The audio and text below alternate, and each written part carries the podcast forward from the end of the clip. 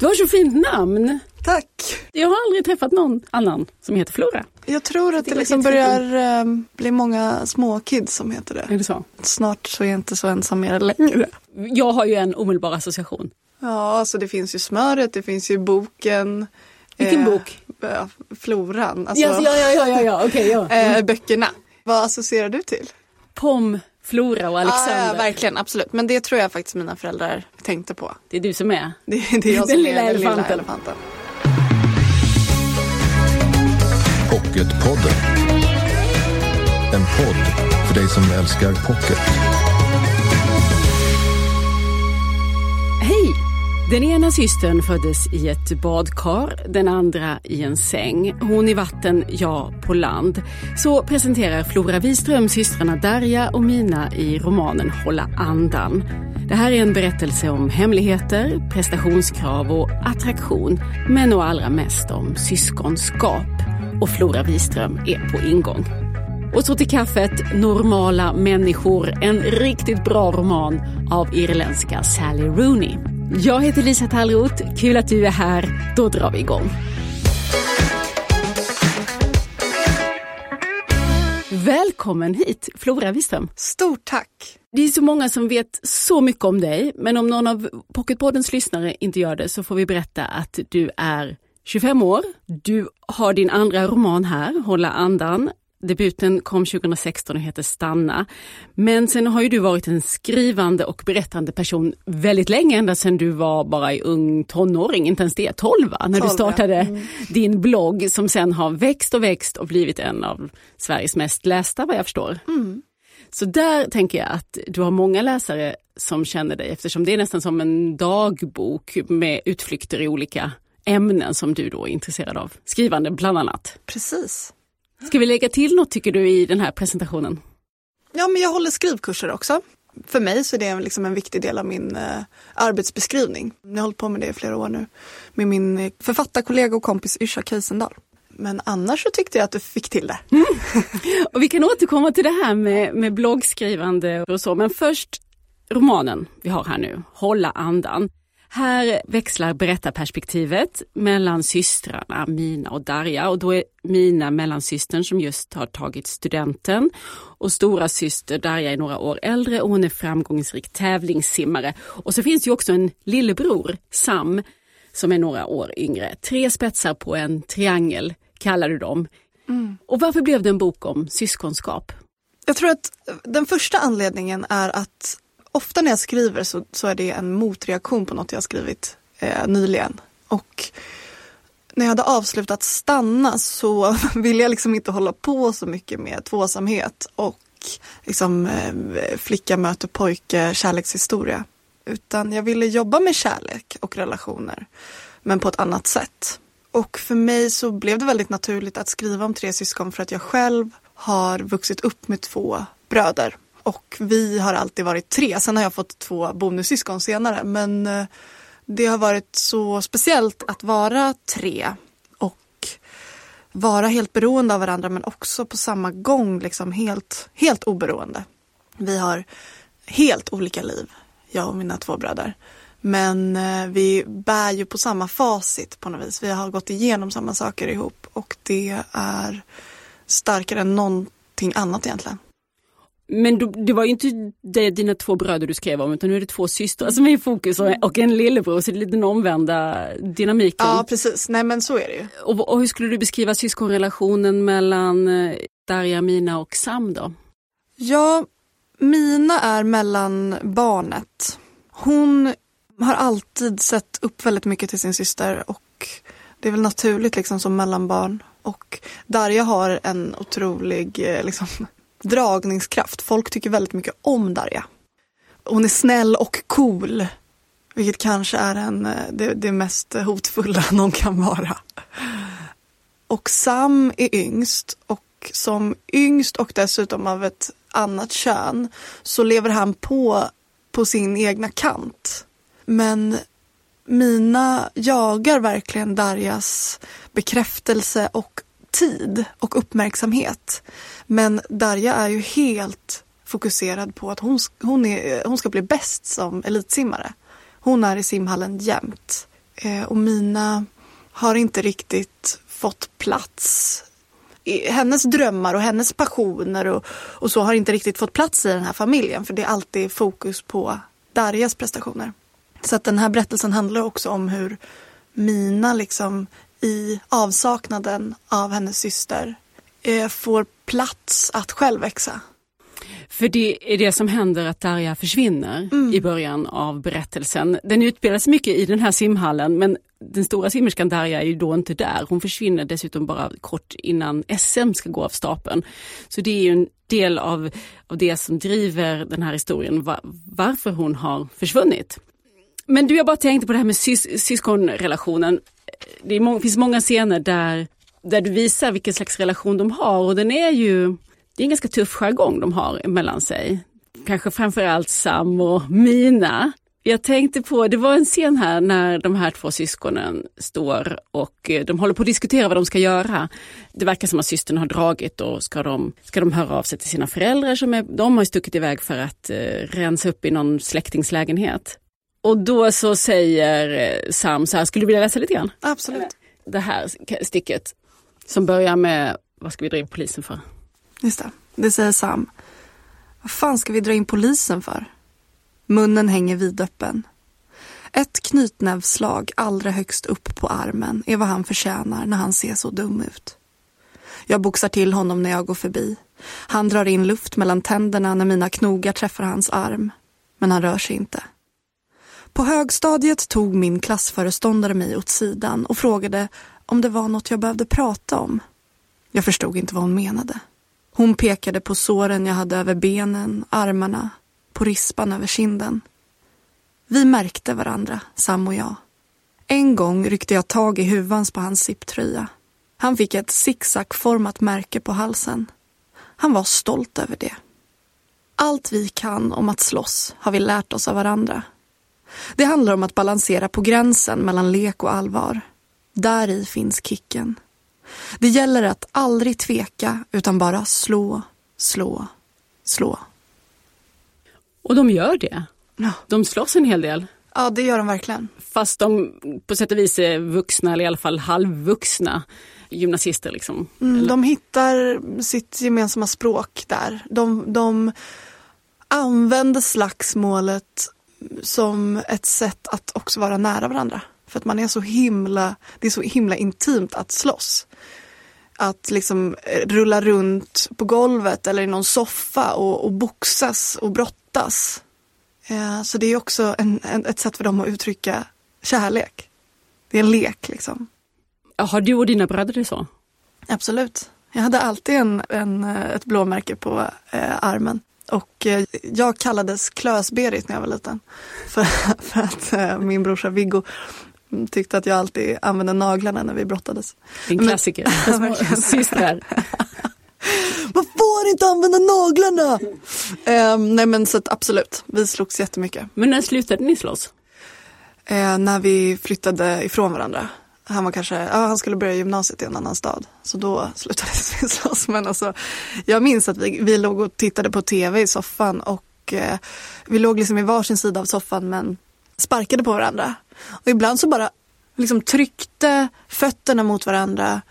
Det var inte att slåss, men det var liksom att man bara pressade sig mot varandra och liksom använde sin kraft. Vems ben skulle vikas först?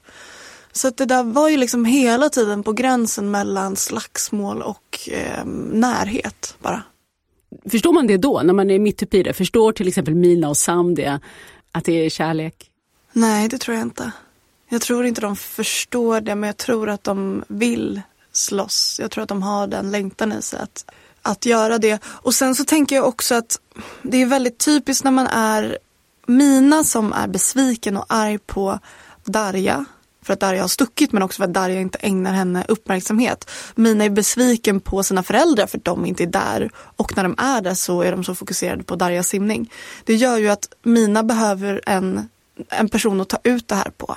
Ehm, den frustrationen kan komma ut genom ord och genom eh, våld. Och det där tänker jag jättemycket på om man är ensam barn. Då har man ingen att puckla på. Eller att eh, skälla ut. Utan ensambarn, eh, min kille är det till exempel, så vi har pratat mycket om det här. Det är ju mer så här, gå in på sitt rum och, och, och sitta och, och, ägna sig åt någonting om man är frustrerad. Men vi som har syskon kan ta ut våran frustration som vi får från våra föräldrar på varandra. Vilket också hjälper oss att um, hantera konflikter. Kanske inte alltid på ett bra sätt men ändå får möjlighet att bearbeta dem. Eller få ur aggression åtminstone. Men vet du, jag tycker det är intressant för jag eh, slogs också väldigt mycket med framförallt min bror, min storebror. Jag vill ju då säga att han slog mig men jag gav nog tillbaka också en hel del. Och det, det har jag ju inte tänkt på som, som märkvärdigt, så var det liksom. Men vi har en jättebra relation idag. Men eh, som mamma då mm. till barn som slåss också tycker jag ju det är väldigt jobbigt. Boken här är en påminnelse om vad för mig att hur mycket det kan ligga i det där, det där att slåss.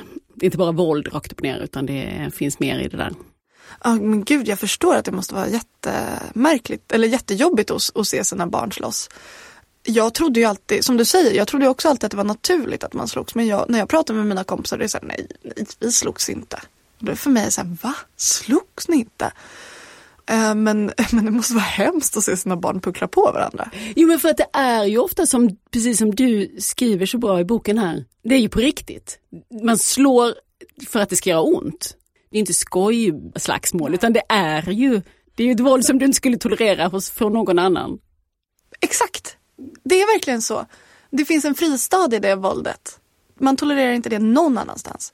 Kompisar, då skulle ju det vara mobbning. Men mellan syskon så får man Kriminellt framförallt. det också. skulle det vara. det också. Men det som jag funderade på är när man slutar. För de håller på ganska länge här i boken. De är ju ändå trots allt vuxna till liksom kroppen och mm. fysiken. Mm. Mina har tagit studenten och Sam är väl då kanske lite valpigare men han går ändå i gymnasiet och är dessutom eh, gymmar han så han måste ju vara rätt biffig tänker jag. Eller när, när tror du att ett sånt där syskonpar skulle sluta slåss? Alltså jag tänker att de framförallt har slått, slagits när de var yngre men att det finns kvar spår av det. Så att när hon tänker på att hon vill slå honom på armen så är det kanske inte, det är kanske mer en markering. Och sen så gör hon ju andra saker, hon, hon häller liksom peppar och salt i hans hårbotten och jag tror liksom att det där mer finns kvar i deras rygg från när de var yngre. Um, men sen kan de ju också använda sig av det här senare i boken. Precis, det, det finns, äh, finns en poäng med att lära sig att slå, slå och slå utan att tveka. Mm. Men äh, så de här syskonen då, Mina Sam, de, de blir lite hänvisade till varandra i det att de är kvar när stora syster försvinner, Darja. Och eh, eftersom vi som läsare får följa henne också så vet vi ju ändå lite grann så småningom vart hon tar vägen och en del om vad som plågar henne. Och jag tänker att det det som framträder är ju är bilden av en människa som, dels har hon en, en svår hemlighet, den ska vi inte berätta så mycket om, för det är en del av spänningen i boken. Men jag tycker man ganska tidigt förstår att hon har liksom tappat kontakten med sig själv. Har fallit offer, eller i alla fall fastnat i sina egna och andras förväntningar. Mm. Och hur har hon hamnat där?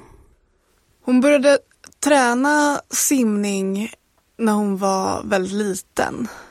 Och sen så var hon så duktig på det. Så att alla runt omkring henne började uppmuntra henne att satsa mer och mer och mer. Och det är skönt att vara duktig på något. Och det är väldigt skönt att andra säger åt en vad man ska göra och säger du kan gå hur långt som helst och sådär. För att är man ung så, herregud, det, det är klart man vill det.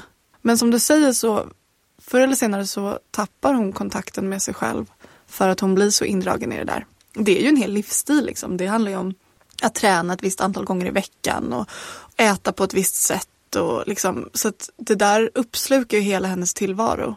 Och hennes föräldrar är jätteengagerade. Säljer våfflor för simgruppens räkning och är alltid där och skjutsar henne runt om landet och sådär. Så att när hennes föräldrar uppmuntrar henne, hennes kompisar är de kompisarna hon har i simhallen. Och hennes tränare är också jätte, liksom, lägger jättemycket eh, förväntan på henne. Då är det ju klart att det blir så. Men hon får ju aldrig riktigt frågan om hon vill göra det eller inte utan hon bara gör och gör och gör och gör. Och Alltså, folk kan inte uppmuntra henne för andra saker i hennes person eller hennes liv för att det är ju det här som syns. Så hon vet ju inte sitt eget värde liksom, om hon inte simmar. Nej, det är klart att det blir så, sa du. Måste det bli så? Vi, har ju, vi känner ju igen den här historien med unga människor som pressas. Nej, det I behöver någon slags inte välvilja. Mm, precis. Nej, men det är klart att det inte behöver bli så men, men vi vet ju också hur många det är som slutar när de blir tonåringar. Det säger ju också någonting. Väldigt många är otroligt duktiga idrottare och sen så när de får känna in själva, vill jag, vill jag göra det här? Och då göra avkall på en massa andra saker. Då är det väldigt många som slutar. Att säga åt en duktig flicka att inte vara duktig, det är att kräva att hon ska vara ännu duktigare, skriver du. Så vad är det hon försöker göra, Darja här? Hon har tagit till flykten. Hon har tagit till flykten. Hon, kanske för första gången i hennes eh, liv, försöker hon lyssna inåt och känna vad vill jag? Vilket ju är en jättestor grej och jätteläskig grej för henne. Så hon är liksom inställd på att nu ska jag fixa att vara för mig själv och ta hand om mig själv och bara göra det jag vill. Men det blir ju också att, att göra rätt. Hur gör man då för att lyssna inåt? Hålla på att praktisera att må bra. Liksom, man får aldrig bara vila. Så att även att försöka må bra blir en prestation. Hon känner liksom en varm, ett varmt flås i ansiktet av att hela, hela tiden göra rätt. Och så hon försöker ju liksom bryta sig loss från det och hon lyckas på vissa sätt och på andra sätt lyckas hon absolut inte. Skriver du det här som en undersökning eller tänker du att du, du ser vad som skulle kunna, hur hon skulle kunna komma loss från det här? Att allting blir ett, en prestation? Nej, jag ser inte hur hon kan komma loss från det. Jag ser hur det kan bli bättre. Men i det prestationsinriktade och väldigt individualistiska samhälle som vi lever i så, så lider ju alla av det här på ett eller annat sätt. Mm.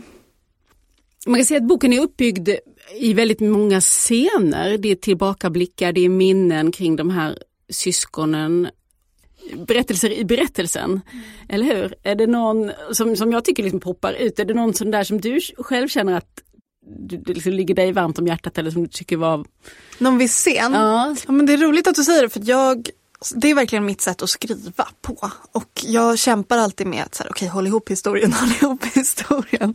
För att jag eh, följer mina associationer så himla mycket när jag skriver. Och rätt vad det är så hamnar jag någonstans. Och jag ser också scenerna väldigt mycket eh, som visuella, alltså som filmscener egentligen. Så att därför så hamnar vi på många olika platser. Men jag, jag har lärt mig genom de här åren när jag skrivit att så länge man har ett tydligt berättelsens nu så kan man liksom ta de här avvikelserna, eller vad säger man? Utvikningarna. Utvikningarna. Nej, men jag har två scener egentligen som jag känner väldigt starkt för. Det ena är en tillbakablick som handlar om eh, när eh, syskonen är ute och åker skidor. Jag har skrivit den scenen som ett sätt att gestalta deras inbördes liksom, hierarki och relationer.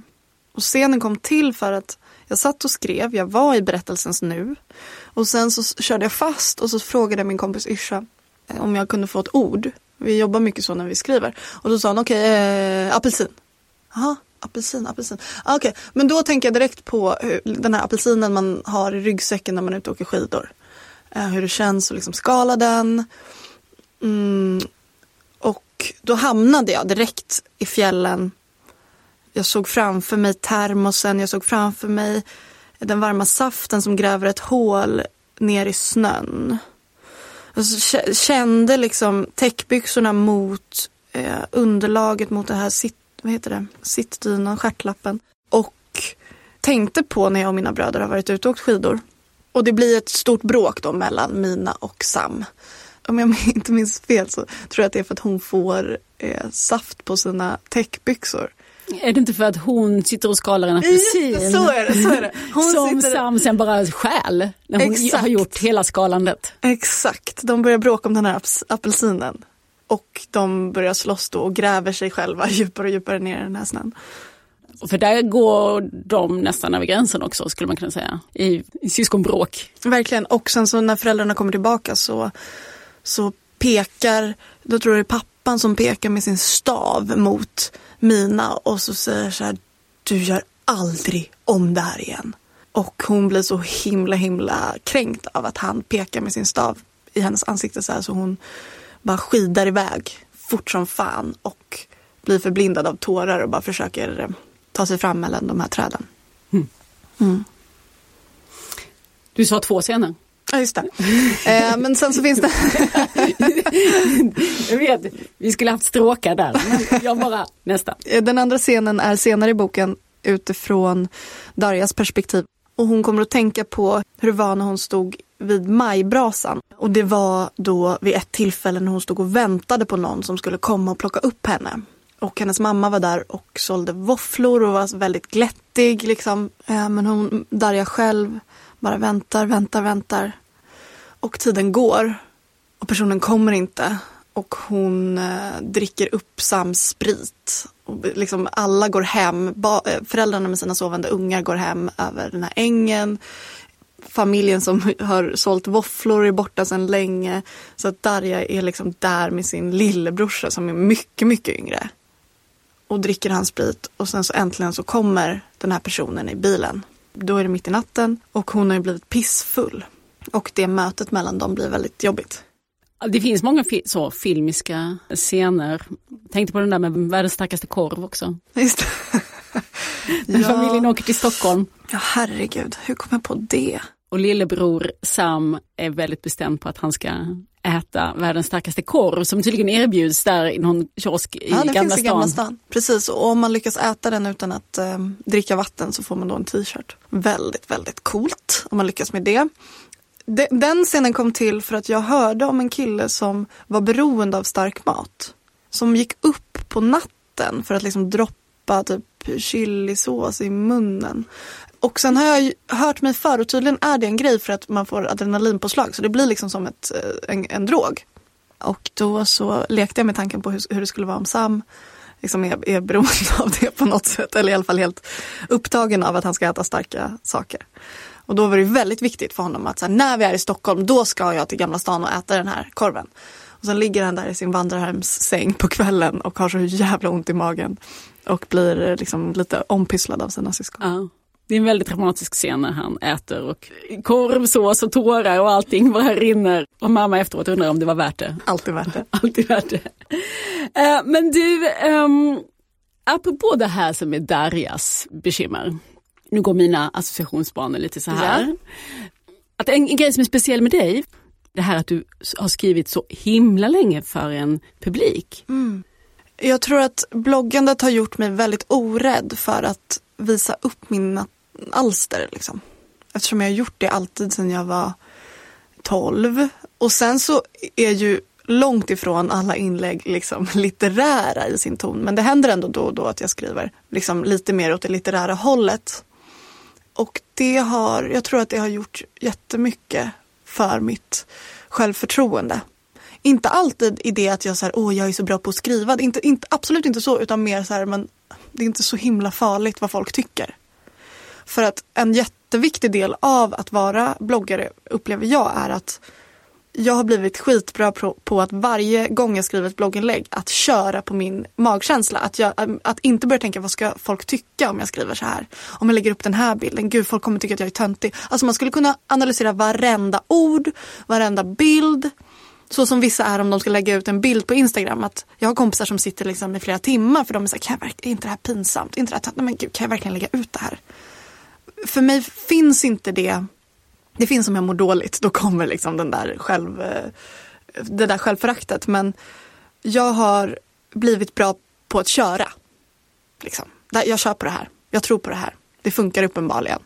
Sen så är det skönlitterära skrivandet mycket mer skörare.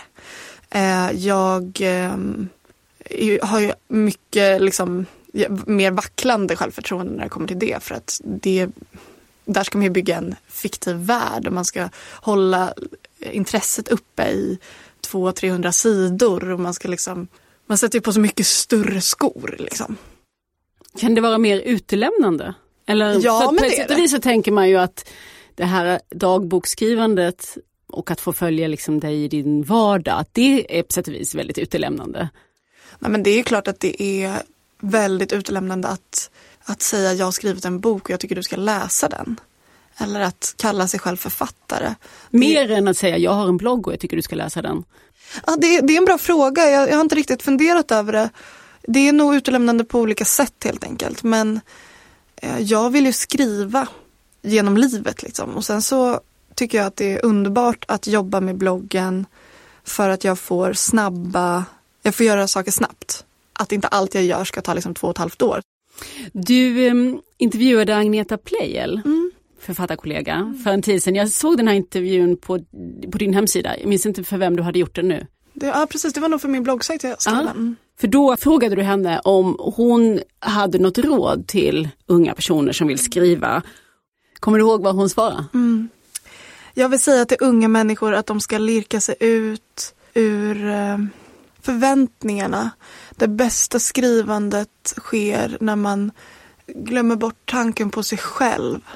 Något ja, ja, men precis, så som du citerade henne var det att jag vill att unga, säga till unga att de ska försöka avlägsna sig från kraven, slingra er ut till en fredad plats. Jaget lägger sig så ofta i vägen och det bästa gången man skriver så tänker man inte på sig själv. Det riktigt bra uppkommer när man släpper idén om att bli sedd. Mm. Alltså, förstå att hon sa det där bara, rakt upp och ner. Alltså, jag har aldrig träffat en så vältalig människa. Och då, jag tänker att det här måste Ja, dels så tänker jag ju på att Darja ju kämpar med det här, att eh, för att hitta en fredad plats där hon inte blir sedd och bedömd. Men jag tänker också kanske att du som skribent eh, liksom har det här i ditt liv. Eh, att bli sedd är väldigt viktigt när man skriver som bloggare. Men det kanske det låter ju på Agneta Pleijel här som att det kan vara helt förödande när man, om man ska försöka skriva romaner. Ja men där tänker jag att för mig i alla fall så är det superstor skillnad mellan mitt bloggskrivande och mitt skönlitterära skrivande. För att i, i, i det skönlitterära så är det ju en sluten, det är en process som jag bara bjuder in vissa i under tidens gång. Så där handlar det jättemycket om att glömma bort att jag skriver när jag skriver. Det är liksom det jag försöker alltid komma in i ett skrivande där jag inte tänker på att jag sätter en bokstav efter den andra utan att jag är liksom inne i en värld. Men jag, på ett sätt så känns det ju, det här rådet kring, så, eller som Agneta Pleijel ger, det handlar ju också om, om att vara människa. Liksom. Men jag förstår vad hon menar. För att jag vill ju inte vara författare för att vara författare. Utan jag vill ju skriva för att skrivandet gör något med mig som jag känner väldigt starkt för. Liksom, som jag vill fortsätta med och, och utforska. Vad är det det gör med dig? Men dels så kastar det ju mig bort från...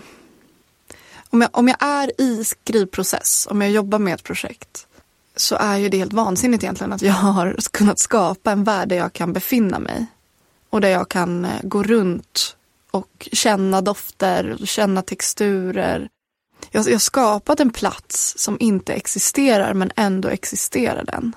Det är ju magi. Det är inte alltid magiskt att skriva men själva grejen att kunna skapa en sån plats det är magiskt och utomkroppsligt. Och sen så mår jag väldigt bra av litteratur. Jag läser mycket och jag skriver mycket men jag tänker på läsandet som en inandning och skrivandet som en utandning och jag behöver det för att känna mig i kontakt med mig själv och med min omvärld och vara jordad på något vis. Så jag tror också det är en, någonting jag verkligen sysslar med för att må bra. Mm. Innan jag släpper dig, har du läst Sally Rooneys Normala människor? Oh ja. Jag vet att du har det, för jag vet att du har skrivit eh, om den också på din blogg. Och du verkar lika tagen som alla vi andra. Ja, det var, jag, hade, jag hade pluggat litteraturvetenskap en termin och sen så var det här den första boken som jag läste som var liksom på eget bevåg. Och det var så fantastiskt att få hamna i det här drivet som den här boken är. Den är ju väldigt filmisk på så vis att det är korta scener och liksom det, den är handlingsdriven. Liksom. Och jag blev väldigt tagen av de här två personerna som den handlar om. Vi ska prata mer om just eh, normala människor alldeles strax. Tack för nu Flora Wiström. Hålla andan heter din aktuella roman som nu då finns i pocket. Tack så mycket. Du lyssnar på Pocketpodden. Nu har jag en bok här som jag tycker är helt ljuvlig och den har väl också blivit något av vårens snackis eftersom Normala människor, som är titeln av Sally Rooney, då inte bara nu är aktuell som pocket utan det finns också en alldeles utmärkt eh, filmatisering på SVT, en tv-serie som baserar sig på den här boken. Och eh, Åsa Lindström, du är bokens förläggare här i Sverige och kan man säga att Sally Rooney är ett fenomen vid det här laget? Det tycker jag verkligen att man kan göra. Hon lyfts ju ofta fram som en av de allra främsta unga författarna inom millennial-generationen och hon fick ju ett enormt genombrott med normala människor. Samtal med vänner kom ju 2017 och det var många som läste och tyckte om den men den nådde ju inte en lika bred publik. När jag var i London i höstas så var boken slut på många ställen och de satte upp skyltar i fönstren där det stod så här, nu har vi inga ex kvar av normala människor och så vidare. Den blev ju enormt omskriven, nominerades till många fina priser och ja, man måste säga att hon har fått ett otroligt brett genombrott med den här fantastiska romanen. Irländska är hon och strax under 30 årsåldern. Va? Ja men precis, hon är 29. Hon eh, är uppvuxen i en ort som heter Castlebar på Irland och har pluggat på Trinity College och eh, ja, hon verkar vara allmänt otroligt begåvad. Om jag minns rätt så blev hon också europeisk mästare i studentdebatt. Så att när jag träffade henne på Bokmässan för ett par år sedan var det ju lätt att, att känna sig inte riktigt lika vass. Nersablad i debatten. Men du, på Trinity College utspelar sig också en del av den här berättelsen Normala människor. Men det börjar inte där utan det börjar i den lilla orten Sligo som ligger på kusten någonstans där, inte så himla långt från Dublin tror jag. Och vi har Marianne och Connell som huvudpersonerna. Och vad är detta för berättelse? Ja, romanen handlar som sagt om Marianne O'Connell som växer upp i en liten ort på Irland. Och om Marianne kan man väl säga att hon växer upp i någon slags överklasskontext. Hon är en outsider, hon är jättesmart, intresserad av skolarbete men har inga kompisar. Hon har det tufft hemma förstår man också. Medan Connell är den här fotbollskillen som är populär bland tjejerna i kompisgänget. Connells mamma städar hemma hos Marianne eh, så det är så de kommer att lära känna varandra lite bättre. Eh, och vad som händer är ju att de, ja, de förälskar sig i varandra och vi får följa deras relation, hur den liksom böljar fram och tillbaka. Hur de slits från varandra och graviterar mot varandra. Man kan nästan inte beskriva deras relation som kärlek. Det är som att de, de räddar varandra. Det är nästan starkare än kärlek. Samtidigt som de har oerhört svårt för att kommunicera med varandra tycker också att Sally Rooney är så otroligt bra på att beskriva de här sviktande maktförhållandena i en relation. Hur Connell till en början eh, inte ens vill kännas vid Marianne för han tycker att hon är så udda och egen eh, när de går i gymnasiet. Och sen när de kommer till universitetet så kommer Marianne mer till sin rätt. Hon känner en trygghet och blomstrar. Och där har han svårare att hitta hem, vilket präglar relationen. Så jag tycker hon är superbra på de här små, små skiftningarna i mänskliga relationer, sårbarhet, ja, och ja, makt, makt i relationer. Och sen tänker jag mycket på det som en klassskildring också, ja. att det är någonting som hon gestaltar väldigt väl i både stort och smått. Det faktum att de ju kommer från så olika bakgrund, olika förutsättningar, eh, socialt, ekonomiskt och emotionellt och hur de förstår världen utifrån sina olika referensramar. Ja men det är lite intressant. Sally Rooney har faktiskt jämfört sina båda romaner med sådana klassiska Austen-romaner, 1800-talsromaner. Att hon genom att skildra den här lilla, lilla världen försöker att säga någonting om, om den stora världen så att säga. Och det tycker jag att hon lyckas väldigt, väldigt bra med. Mm nu tycker ju jag faktiskt för en gångs skull att filmatiseringen är väldigt lyckad och Sally Rooney har ju också varit inblandad i manusskrivandet och man kan väl säga nästan att de, de kanske gjorde ett litet val där, att de försöker inte helt rakt av adaptera boken utan att det, de har liksom betonat vissa delar i den här historien. Den har kanske mer av det romantiska får man säga, tv-serien. Ja, det måste man säga. Jag tycker också att det är fantastiskt eh, hur de har kastat de här eh, eh, skådespelarna. När man tycker väldigt, väldigt mycket om en bok, som jag gör i det här fallet, så är man ju alltid nervös när man ska se den gestaltad. Men jag tycker att de har lyckats jätte, jättefint. Men jag tycker att de här skådespelarna känns, de känns väldigt, väldigt modiga. Det är så skört, det är så sårbart, så naket. Helt oemotståndligt tycker jag. Eh, och man brukar ju prata om, aha, men ska man, liksom, ska man, vad ska man välja då? Ska man se filmen, eller ja, serien i det här fallet eller läsa boken? Men i det här fallet tycker jag verkligen att de, de kompletterar varandra och de är båda jätte, jättefina. Mm. Precis, ja, i boken så får man ju mycket mer av huvudpersonernas tankevärld och bevekelsegrunder för varför de gör som de gör, vilket är, ofta till det yttre kan te sig väldigt märkligt. Liksom de mm. fattar ganska så snabba och kärva beslut som inte alltid förklaras då i tv-serien, men i boken har man ju den fördjupningen. Men sen får man ju säga att i eh, tv-serien så får man ju den här fantastiska liksom, irländska dialekten och språket. Och miljöerna, man blir ju tokig, man vill bara åka till Irland och gå runt på Trinity College och besöka landsbygden och ja, jag blir jättesugen. Ja, det här är en superkombo helt enkelt. En superkulturkombo för karantäntider. Det är att man kan, göra det, man kan läsa och titta samtidigt, ta det ena först, det andra sen, hur som helst. Det handlar i alla fall om normala människor som nu då är pocketaktuell, Sally Rooneys succéroman. Tusen tack Åsa Lindström, förläggare. Nästa vecka kommer Sveriges romance-drottning hit. Hon heter Simona Arnstedt. Se fram emot det, det gör jag, så hörs vi om en vecka. I sociala medier heter vi Älska Pocket och jag heter Lisa Tallroth. Hej då! Du har lyssnat på Pocketpodden. En podd från Bonnierförlagen.